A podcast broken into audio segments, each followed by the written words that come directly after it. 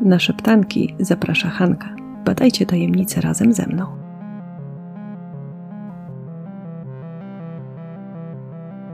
Młode małżeństwo Tyler i Brittany Davis zdecydowali, że 23 i 24 dzień lutego 2019 roku będzie dla nich czasem wesołym, pełnym relaksu, a przede wszystkim spędzonym z daleka od codziennych trosk. Byli rodzicami małego Arona, który w tamtym czasie miał 19 miesięcy i wymagał sporo uwagi. Na co dzień nie mieli więc zbyt wiele okazji, by cieszyć się wolnym czasem, takim naprawdę tylko dla siebie. Ale tym razem Tyler i Brittany powierzyli swojego ukochanego synka rodzicom Tylera, więc byli o niego zupełnie spokojni, wiedząc, że i dla niego ten czas będzie wyjątkowo atrakcyjny. Dla nich wyjazd do Eaton Town Center w Columbus w stanie Ohio był niczym święto, a właściwie to naprawdę wiązał się z prawdziwym świętowaniem, bo 24 lutego przypadały urodziny Brytanii, więc taki wypad do miejsca oddalonego mniej więcej 3 godziny jazdy od ich domu wydawał się świetnym pomysłem na uczczenie tego ważnego dnia. Szczególnie, że mieli nocować w hotelu Hilton, położonym w Easton Town Center, wyjątkowym centrum handlowym, które nazywano właściwie małym miasteczkiem. Nic dziwnego, prawie 300 różnego typu sklepów, 75 miejsc, w których można było zjeść coś pysznego i inne punkty rozrywkowe. W ofercie naprawdę można było przebierać. Sam Hilton był wygodny i elegancki, miał im zapewnić komfort i sympatyczne atrakcje, takie jak chociażby masaż dla par, na który zapisali się już na następny dzień. Nie mieli poza tym szczegółowych planów, bo doszli do wniosku, że w takim miejscu można sobie pozwolić na spontaniczne wybory. Gdzie się nie spojrzy, trafia się przecież atrakcja. A to kino, a to uliczny występ, nietypowy sklep, czy festiwal kuchni takiej lub innej. I o to chodziło, choć póki co tylko trzy razy do roku. Para poznała się w restauracji fast food w 2013 roku.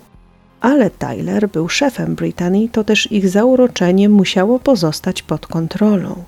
Jednak w 2016 roku poddali się i doszli do wniosku, że praca nie może rujnować ich życia osobistego, więc zaczęli się spotykać.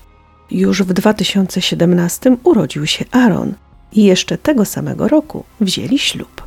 Zmian było więc sporo, a na dodatek, aby utrzymać siebie i maluszka, trzeba było sporo pracować, również nocami, jak to w barze fast food. Byli zapracowani, bo odpowiedzialni i obowiązkowi, choć wiedzieli, że bez odpoczynku nie ma też efektywnej pracy. Obiecali sobie więc, że będą spędzać przynajmniej trzy noce w roku, imprezując, resetując się. Ma być wesoło i na luzie.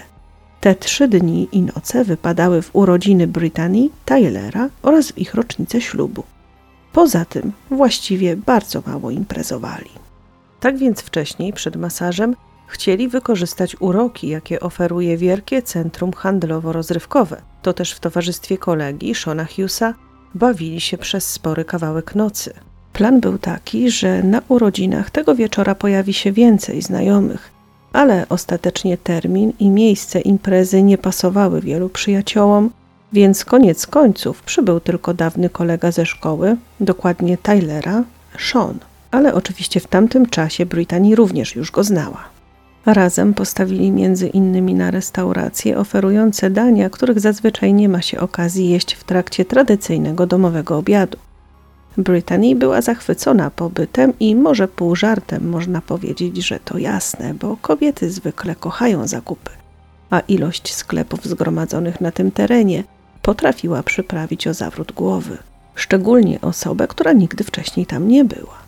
Młoda kobieta nie kryła, że jest podekscytowana i w tym momencie żałowała, że ma tylko jedną parę oczu, bo było na co popatrzeć. Ale ostatecznie sklepy zostały zamknięte, a około północy również restauracje i bary, choć pojedyncze kluby jeszcze działały.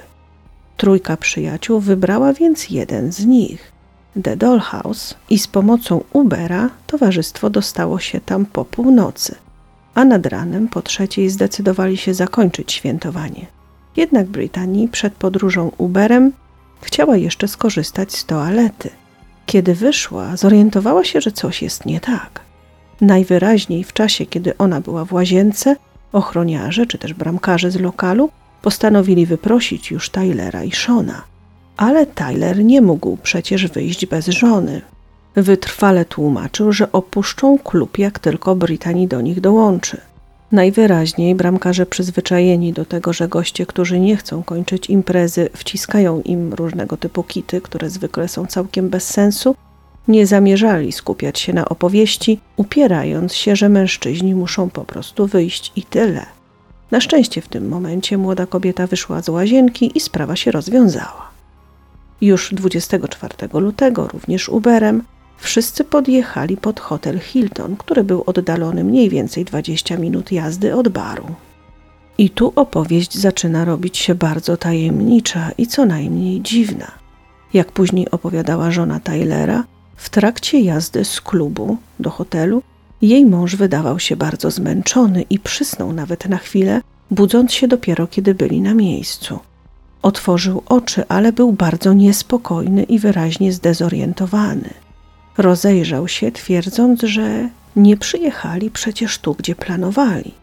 Zdziwiony Sean tłumaczył, że są na urodzinowym wypadzie i podjechali właśnie pod hotel Hilton, ale Tyler wydawał się nieprzekonany. Rozglądał się, próbując zrozumieć, co się dzieje i gdzie są, ale powtarzał, że na pewno nie u celu. Znaleźli się w nieodpowiednim miejscu. Widział jednak, że zarówno żona, jak i Sean tłumaczą mu, że wszystko jest w porządku i oni nie są zaskoczeni tym, gdzie przyjechali, więc doszedł do wniosku, że najwyraźniej musi ochłonąć, przewietrzyć się i krótki spacer dobrze mu zrobi.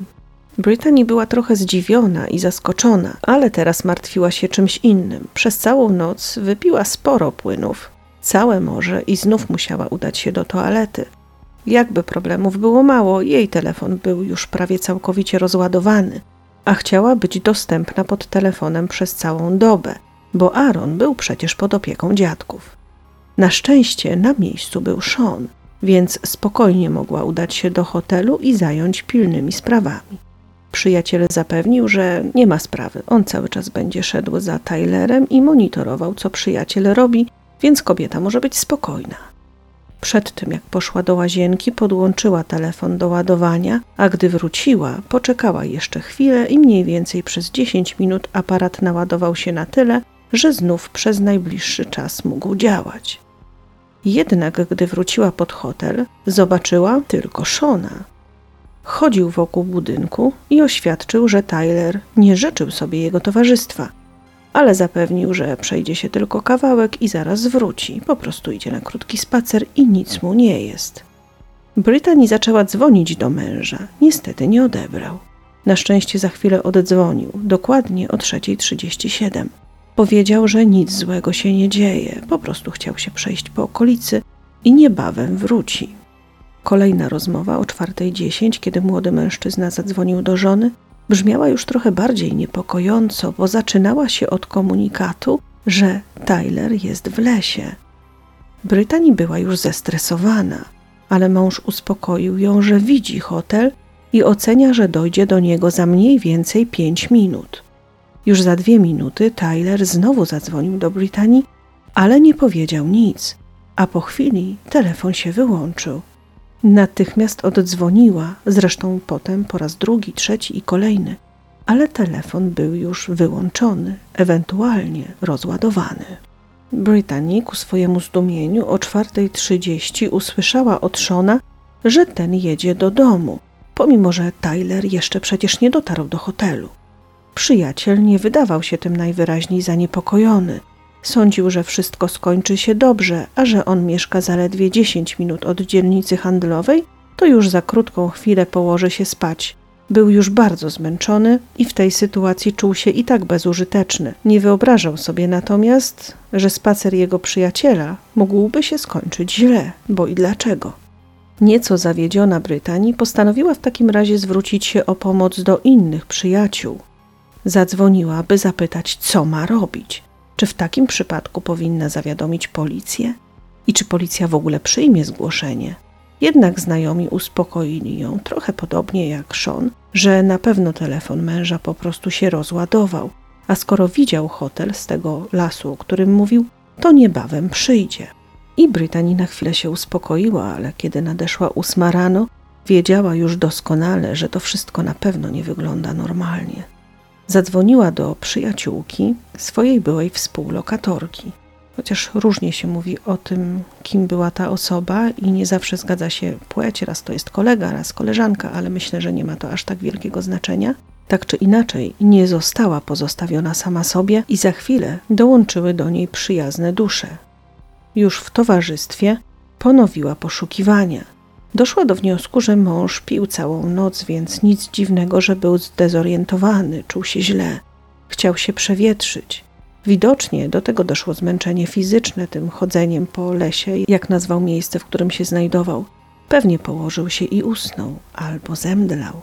Wystarczyło go teraz tylko odszukać. Nagle jednak uświadomiła sobie, że przecież jest luty. W nocy było bardzo zimno, więc jeżeli leży tam gdzieś bez ruchu, to mogą mieć już spory problem i trzeba się naprawdę pospieszyć. Kiedy o 10.30 wciąż nie udało się znaleźć Tylera, Brittany z duszą na ramieniu, w wielkim stresie, poinformowała jego rodziców, a także policję i oficjalnie zgłosiła zaginięcie.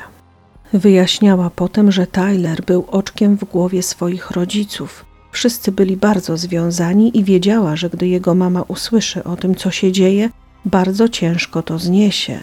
Początkowo Brytanii sądziła, że zamiast mówić rodzicom na bieżąco, co się wydarzyło, lepiej będzie opowiedzieć im to już potem, z perspektywy czasu, oczywiście z odnalezionym już Tylerem u boku. W końcu jednak młoda kobieta doszła do wniosku, że potrzebuje jak najwięcej pomocy. Tym bardziej, że trzeba było zrobić wiele.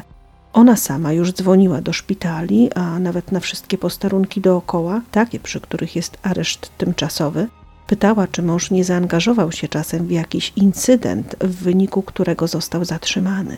Jednak nic na to nie wskazywało. Wydawało się, że nie został zwinięty w trakcie bójki i nikt nie znalazł go chorego. Policja wreszcie pojawiła się około 30 minut po południu, ale to, co powiedziała kobiecie, zmroziło jej krew w żyłach. Okazało się, że nie będą pomagać jej w poszukiwaniach, bo dorosły człowiek ma prawo pójść na spacer, nawet na wiele godzin, a ponieważ nie był osobą starszą, z demencją, ani też dzieckiem, nie będą krępować jego wolności poszukiwaniami i to przez 72 godziny. Będą po prostu oczekiwać na jego powrót. Żona była w szoku, bo akcentowała policjantom, że przed zniknięciem mężczyzna źle się poczuł. Zawędrował do jakiegoś lasu, było bardzo zimno, był sam, a skoro nie ma go do tej pory, to nie był to żaden zwykły spacer. Miał wrócić za pięć minut od ich ostatniej rozmowy, a wciąż go nie ma. Policja była niewzruszona. Jak oceniła młoda kobieta, policjant, który z nią rozmawiał, był wyjątkowo niemiły i poirytowany tym zgłoszeniem, więc rodzina prowadziła poszukiwania sama. Jednak o 17 rodzice Tylera doszli do wniosku, że Aaron jest już zapewne bardzo niespokojny.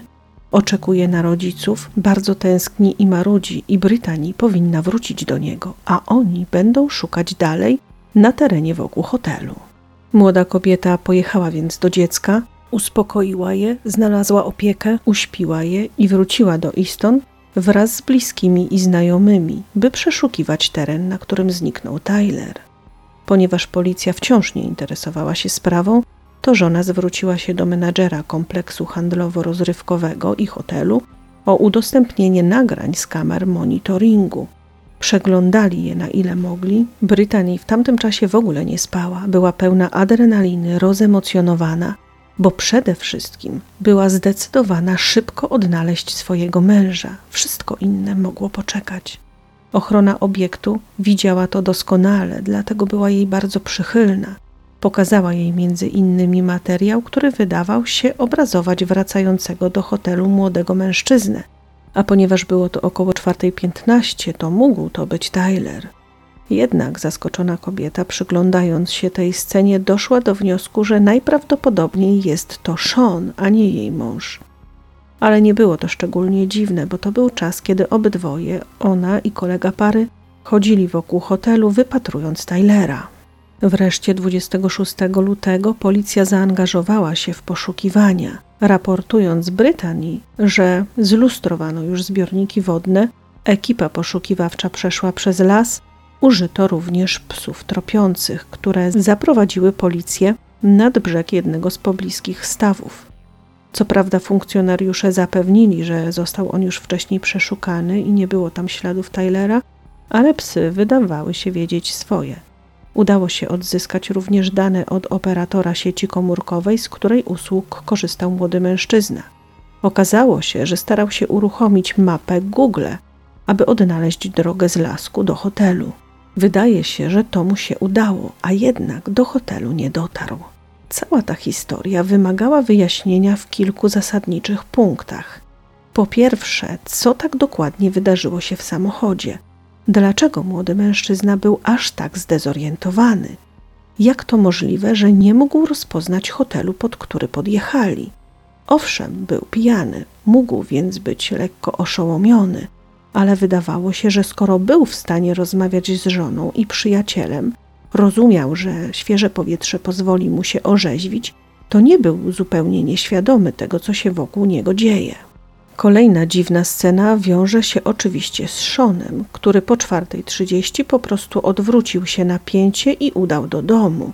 Chociaż widział zdenerwowanie żony Tylera, która zadawała mu też kłopotliwe pytania. Dlaczego zostawił swojego przyjaciela, którego obiecał chronić? Ona poszła do hotelu zaledwie na 10 minut, a jego zadaniem było wtedy czuwać nad Tylerem, który źle się czuł. Z jakiego powodu się rozdzielili Tyler i Sean? Dlaczego Sean nie poszedł dyskretnie za chłopakiem, nawet jeśli ten żądał samotności? Widział przecież, że dzieje się z nim coś złego. No, ale powiedzmy, że Sean był pod wpływem alkoholu i zirytowała go postawa Tylera, który się od niego opędzał. Być może zadziałał na zasadzie nie to nie, radź sobie sam. Ale nawet jeżeli, to potem już widział, że sytuacja jest niepokojąca i wypadałoby wesprzeć koleżankę, która martwi się o jego przyjaciela. Mało tego, jak zauważa wiele mediów relacjonujących sprawę, w poszukiwania angażowało się bardzo wielu bliskich i przyjaciół Tylera. Często wypowiadali się w momencie, kiedy najbliższa rodzina była zajęta. Nie miała do tego głowy. Ale ani razu nikt nie zauważył w pobliżu Shona, który przecież mieszkał bardzo blisko od miejsca, w którym zniknął jego przyjaciel. Chłopak, z którym świętował tej feralnej nocy. Wydawałoby się naturalne, że będzie jedną z osób najbardziej zaangażowanych w poszukiwania. Tymczasem tak nie było. Zaczęto sugerować, że może tak naprawdę wcale nie opuścił Tylera i przez te 10 minut, kiedy kobiety z nimi nie było, doszło do jakiegoś sporu, sprzeczki. Być może mężczyźni na przykład się pobili. Czy Tyler mógł zostać bardzo poważnie zraniony przed hotelem i będąc jeszcze w szoku oddalił się od budynku i dopiero w lesie jego stan kompletnie się załamał? Czy przyjaciel doskonale wie, że jakaś sytuacja między nimi spowodowała lub przyczyniła się do tego, że Tyler być może stracił życie? A byłby czas na porządną kłótnię, bo tak naprawdę te 10 minut, kiedy kobieta poszła na górę do hotelu, to były założenia. Tyle w sumie ładował się telefon, a oprócz tego była przecież w łazience, zresztą musiała jeszcze znaleźć ładowarkę, podpiąć, wrócić. To wszystko chwilę zajmuje. Mogło więc jej nie być nawet 15, może 20 minut, a nawet więcej. Co się w tym czasie wydarzyło i gdzie? Oczywiście możliwe jest też proste rozwiązanie. Młody mężczyzna był pijany, więc zdezorientowany. Być może ktoś podał mu jakiś środek psychoaktywny. Nie można wykluczyć, że sam Sean. Rzeczywiście, Tyler chciał poddychać świeżym powietrzem, ale odszedł za daleko. Potknął się, przewrócił, uderzył w głowę, wpadł do wody i wszelki ślad po nim zaginął. No właśnie, tylko że policja zapewniała, że przeprowadziła dokładne przeszukanie zbiorników wodnych, a poza tym ten obszar jest gęsto zaludniony, zabudowany. I ten tak zwany las to nie jest jakiś duży obszar gęsto zadrzewiony, ale bardziej coś w rodzaju kawałka parku pomiędzy Stelzer Road a autostradą 270. Gdyby faktycznie tutaj cokolwiek stało się chłopakowi, to nie ma możliwości, aby nie udało się go odnaleźć. I to prawie natychmiast. To mały obszar, łatwy do przeszukania i tak naprawdę nawet gdyby Sean udał się do tego lasu wtedy w nocy w poszukiwaniu Tylera, to bez problemu by go namierzył. Oczywiście istnieje hipoteza, że tak też właśnie było. I jego oddalenie się niby do domu, żeby odpocząć, w rzeczywistości mogło być pretekstem, aby ukryć ciało, ewentualnie dokończyć dzieła, bo coś złego wydarzyło się już wcześniej. Coś, co z perspektywy Shona nie mogło wyjść na jaw. Ale i ta teoria nie do końca ma sens, bo przecież Tyler był w kontakcie ze swoją żoną przez jakiś czas i można by przypuszczać, że dałby znać, że przed hotelem przyjaciel go zranił lub coś mu podał. Gdyby w jakikolwiek sposób zrobił mu krzywdę, mąż być może starałby się przekazać te informacje żonie, alarmowałby, że dzieje się coś złego i że ma wrażenie, iż stoi za tym Sean. Chyba, że nie miał o tym pojęcia. Odurzony został na przykład już w klubie i potem nie do końca zdawał sobie sprawę z tego, co się dzieje, jak przebiegają wydarzenia. Sytuację komplikował fakt, że choć dzielnica była urządzona bardzo komfortowo, było tam mnóstwo wygodnych chodników, to nie brakowało również zieleni, która osłaniała obszar przed sklepami, automatycznie powodowała również, że nagrania z kamer monitoringu były bezużyteczne. Nawet gdyby to tamtędy wędrował młody człowiek, można byłoby go po prostu nie zauważyć lub w ogóle nie rozpoznać. Obecnie wydaje się, że najczęściej rozważa się teorię wypadku lub zamarznięcia w trudno dostępnym miejscu, które nie było brane pod uwagę podczas poszukiwań. Z jednej strony wydaje się to naturalne. Osoby pod wpływem alkoholu bardzo często ulegają różnego typu wypadkom, uszkodzeniom ciała. Są splątane, zagubione, więc Tyler mógł udzielić żonie nieprawidłowych informacji o tym, gdzie jest. Uważał, że widzi ich hotel, ale nie musiało tak być. Jednak stali bywalcy tego centrum handlowo-rozrywkowego i mieszkańcy tej okolicy podnoszą coś, co też daje do myślenia. Gdyby tak było, prędzej czy później natknięto by się na ciało chłopaka, jego telefon, portfel, bluzę, buty, cokolwiek. Wszystko jedno, w którym kierunku poszedł, i tak musiał być w tej okolicy, bo kiedy pierwszy raz zadzwonił do żony o 3.37 nad ranem, a później o 4.00 i dał znać, że jest w lesie, to wiadomo było, że w tym stanie nie mógłby zajść zbyt daleko, musiał być w okolicach hotelu a cały obszar znajdujący się w promieniu kilku mil od budynku został gruntownie przeszukany, a nie był to teren trudny. Ponadto chłopak sam mówił, że widzi hotel. Nawet jeśli nie ten, to tak czy inaczej była to jakaś zabudowa, więc musiał być blisko centrum. W świetle tych uwag druga teoria mówiłaby o tym, że w sprawę zaangażowane były jakieś osoby trzecie.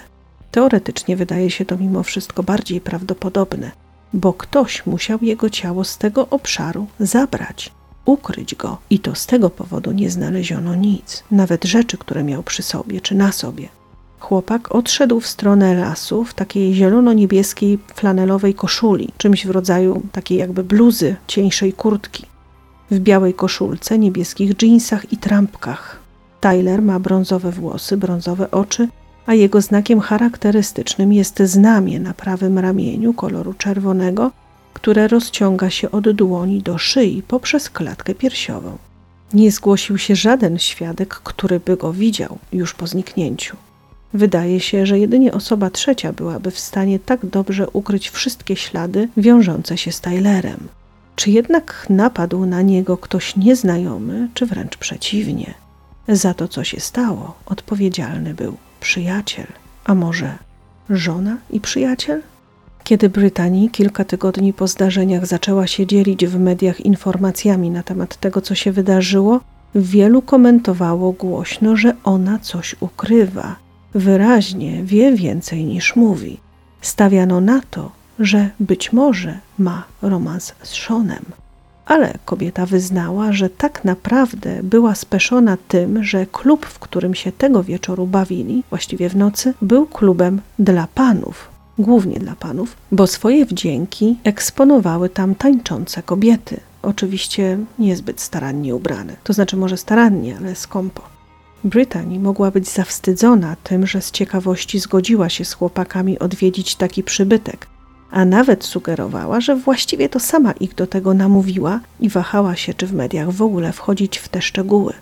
Co prawda, tego rodzaju rozrywki są legalne, a cała trójka była dorosła. Dziewczynie jednak wydawało się, że ktoś, kto ich nie zna, mógłby ich jakoś źle ocenić. Ich sposób imprezowania być może zniechęciłby kogoś do Tylera, zniszczyłaby jego reputację, a tego nie chciała za żadne skarby. Nie można też wykluczyć, że kobieta zorientowała się, że tego rodzaju lokale kojarzą się nie tylko z alkoholem, ale także z innymi, nielegalnymi zresztą towarami, w które można się tam bez problemu często zaopatrzyć. Być może więc wyjdą na jakiś margines społeczny, który zapracował tej nocy na to, co się wydarzyło. Co prawda trudno powiedzieć, czy rzeczywiście raczyli się tej nocy czymś więcej niż tylko alkoholem, ale teoretycznie nie można tego wykluczyć. Brytanii zdawała sobie sprawę, że choć byli zapracowanymi i odpowiedzialnymi za małe dziecko domatorami, nagle wyszliby na zdegenerowanych młodych ludzi, którzy zamiast siedzieć z synem, włóczą się po nocnych klubach i dbają o to, by czasem nie zyskać kontaktu z rzeczywistością. Wiedziała, że następnym wątkiem, który trzeba byłoby wytłumaczyć, gdyby już rozwijać temat, byłby ten dotyczący obecności Szona obok świętujących małżonków.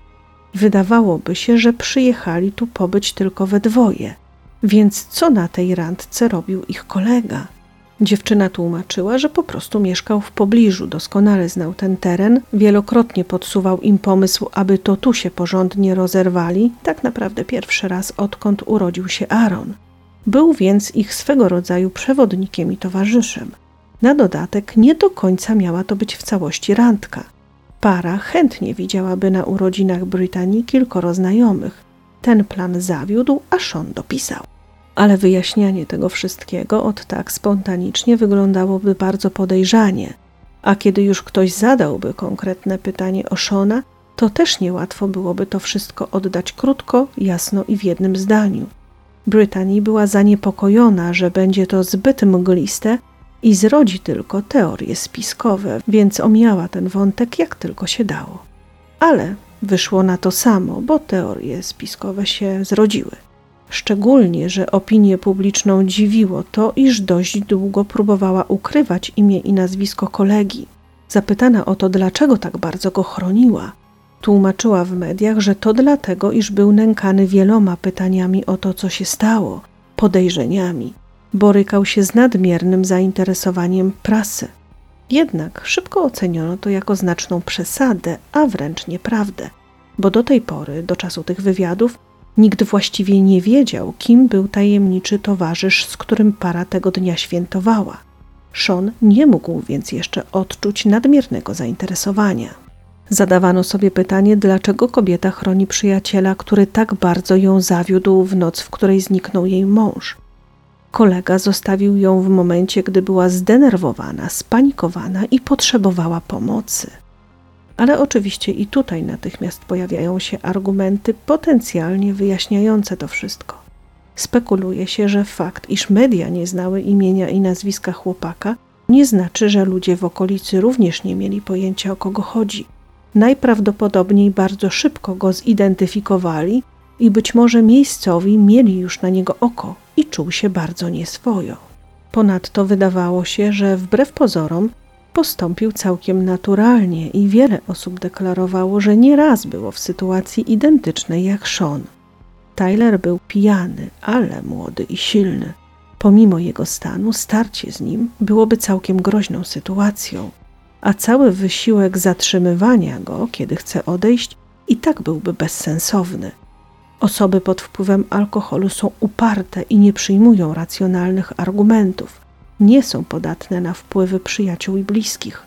Bardzo często cała grupa stara się zatrzymać kogoś, kto chce iść w swoją stronę, i ani argument siły, ani siła argumentu nie są w stanie nic w tej sytuacji poradzić. Jedynym sposobem byłoby więc wezwanie policji, która skułaby niesfornego chłopaka – ale to oczywiście byłoby całkowicie bez sensu, szczególnie, że on po prostu chciał iść na spacer, a nic nie wskazywało na to, by w tej okolicy cokolwiek mogło mu się przydarzyć. I o ile w dzielnicy handlowo-rozrywkowej faktycznie zazwyczaj było dosyć spokojnie, o tyle stali bywalcy i mieszkańcy okolic mówią w różnego typu reportażach, w komentarzach pod artykułami dotyczącymi sprawy, że już kilka kilometrów dalej sytuacja całkiem się zmienia. Całe hordy bardzo młodych ludzi, którzy na przykład zakończyli imprezowanie w centrum handlowym, zbierają się w pobliskich zaułkach, małych laskach czy innych zakątkach, aby imprezować dalej. Często humor podkręcają nielegalnymi substancjami, a wtedy nieraz dochodzi do szarpanin, bujek, różnego typu aktów agresji. To też miejsca handlu tego rodzaju substancjami. Wydaje się, że gdyby zdezorientowany chłopak odszedł zbyt daleko i trafił na taką ostro balującą grupę lub handlarzy, to mógłby stać się ich łatwą ofiarą. To tłumaczyłoby też, dlaczego ciało zniknęło. Teoria pokrewna zakłada, że Tyler był gotów bawić się dalej i chciał zdobyć kolejne środki psychoaktywne, a Sean niekoniecznie kibicował realizacji tego planu.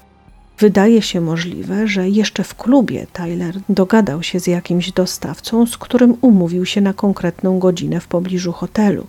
Kiedy wysiadł z Ubera, z czasem uświadomił sobie, jaki był plan i poszedł na spotkanie. Tam jednak coś poszło nie tak i padł ofiarą handlarza. Czy są jakiekolwiek dowody potwierdzające tę tezę?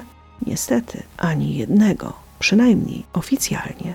Wiele osób zupełnie lekceważy także głośny w tej sprawie wątek dotyczący tego, że po północy wybrali akurat taki, a nie inny klub. Mogło to nie mieć żadnego znaczenia. Po pierwsze, większość tradycyjnych barów i restauracji była już zamknięta i wybór spośród otwartych lokali był stosunkowo niewielki, a ten wciąż obsługiwał klientów, więc całkiem się nadawał. Poza tym, skoro na wielu wieczorach panieńskich całkiem w porządku jest występ przystojnego pana przebranego za policjanta, który z chęcią zdejmuje mundur, to dlaczego podobna zabawa tylko w klubie dla panów miałaby być jakaś szczególnie zdrożna? Brittany była tego po prostu ciekawa, nie wychodziła zbyt często, nie prowadziła rozrywkowego życia, więc w swoje urodziny miała okazję spędzić czas całkiem inaczej niż zwykle – i nie musiało się to wiązać z podejrzanymi znajomościami czy ryzykownymi transakcjami albo planami spędzenia upojnej nocy we trójkę, podczas której coś poszło nie tak. Całkiem prawdopodobne, że para po prostu nieudolnie wzięła się za organizację pełnego emocji wypadu, dlatego zostali w tak skromnym towarzystwie. Próbowali to jednak nadrobić przynajmniej szalonym, jak na nich miejscem – Żaden z tych szczegółów tak naprawdę nie musi mieć żadnego znaczenia, a rozwiązaniem może być choćby to, że wbrew temu, co mówi policja, któryś z pobliskich zbiorników wodnych skrywa swoją tajemnicę. Na przykład jeden ze stawów odwadniających. Był luty, chłopak podszedł do tafli wody, stwierdził, że jest zamarznięta, po co więc iść naokoło. Spokojnie pokona staw i dotrze do hotelu. Niestety lud się załamał. Poszukiwań nie podjęto od razu, bo wtedy można byłoby zauważyć przerębel, po którym potem mógł już nie pozostać taki wyraźny ślad. Kolejnych poszukiwań nie było, bo policja zapewniała, że zbiorniki wodne już były obejrzane, czy też nawet przeszukane. Ale czy rzeczywiście w środku zimy mogli tam być nurkowie, którzy przeprowadzili dogłębne poszukiwania, tego nie wiem. Jeśli któryś ze stawów nie został osuszony, a mieszkańcy podkreślają, że to z powodzeniem mogło się zdarzyć, policjanci mogli z tego zrezygnować, zagadka pozostaje nią aż do teraz i tak będzie, póki nie zostanie rozwiązana przypadkowo. Podobnie, jeśli ciało leży gdzieś w lesie, ale jak wspominałam, nie są to gęsto zalesione obszary, a przez większość z terenów zielonych przechodzą gęsto ścieżki spacerowe. Ale bardzo ciekawą teorię ma jeden z użytkowników Reddita, Hoponpot, który zauważa, że jeśli wziąć pod uwagę ostatnie miejsce, w którym telefon chłopaka dawał znać, to wydaje się jasne, że młody mąż i ojciec mógłby chcieć iść do Hilton albo innych hoteli skrótem przez trawę, a nie taką pętlą, aby korzystać z drogi. Gdyby tak zrobił, przechodziłby tuż obok kratki kanalizacyjnej, i włazu w trawie. A przecież mniej więcej w tym miejscu trop się urywa. Można by więc pomyśleć, że ekipa przypadkowo zapomniała zasunąć jedną z tych krat. Chłopak wpadł w dziurę, a robotnicy, gdy wrócili jakiś czas później, oczywiście nie wiedząc, że w okolicy zaginęła osoba, zapieczętowali dziurę bez zaglądania. Ten scenariusz pokrywałby się z tym, co wiemy. Muszę przyznać, że ta teoria całkiem mnie przekonała. Jednak czy kiedykolwiek była lub będzie sprawdzona, tego nie wiemy. Dziękuję już Wam bardzo serdecznie za ten czas razem. Mam nadzieję, że sprawa była dla Was ciekawa, a ja z kolei jestem bardzo zainteresowana Waszymi wnioskami. Jak myślicie, co wydarzyło się tej tajemniczej nocy? Czy przyjaciel Tylera i jego żona mówią całą prawdę, czy może kłamie tylko jedno z nich? A może rzeczywiście wszystko przebiegało tak, jak opowiedzieli, a problemy zaczęły się dopiero, gdy chłopak oddalił się znacznie od hotelu? Czy wpadł w studzienkę kanalizacyjną? Czy spotkał kogoś niewłaściwego? A może sam umówił się na spotkanie, które okazało się fatalne w skutkach?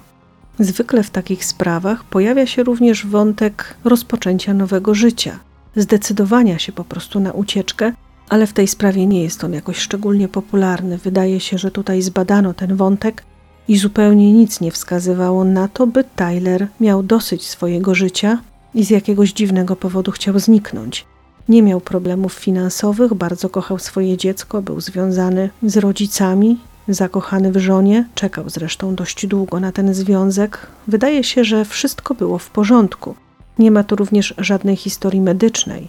Nie wykazywał objawów depresji, nie leczył się z tego powodu, tak więc to rozwiązanie raczej należałoby odrzucić. Sąd na podstawie prawa spadkowego uznał Tylera za przypuszczalnie zmarłego, a taka decyzja została podjęta 15 grudnia 2021 roku.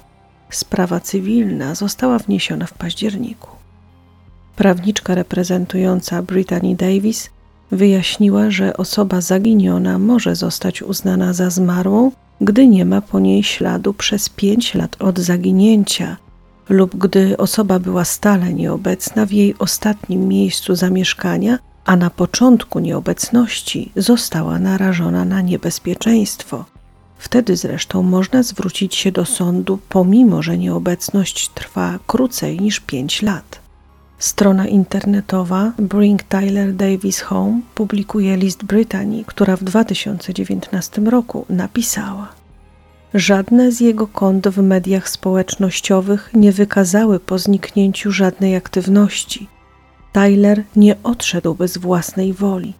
Jest wspaniałym ojcem naszego synka, lokalnym menadżerem baru na obrzeżach Cincinnati w stanie Ohio i bardzo odpowiedzialną osobą.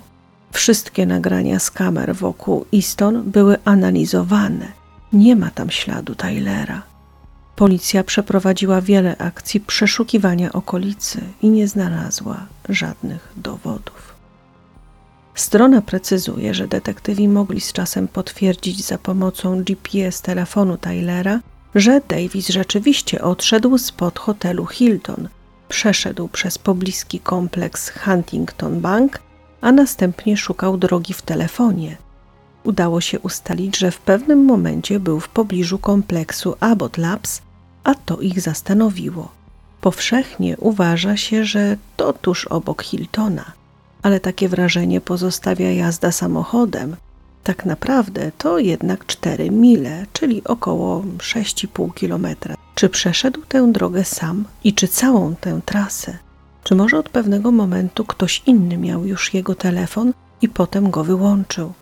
Skoro Tyler szukał na mapie hotelu, to znaczy, że chciał do niego wrócić, ale stało się coś, co sprawiło, że z jakiegoś powodu nie mógł. Kochani, dziękuję Wam z całego serca za subskrypcję, łapki w górę, oczywiście komentarze i za coś jeszcze. Wspominałam Wam już, że czasami zaglądam na różnego typu fora, grupy. Może nie udzielam się tam jakoś szczególnie, ponieważ naprawdę brakuje mi już na to czasu, ale niekiedy rzucają mi się w oczy Wasze komentarze polecające szeptanki. Naprawdę wtedy czuję niesamowite ciepło na serduchu i za to wrażenie również Wam serdecznie dziękuję. A teraz już buziaki i do usłyszenia.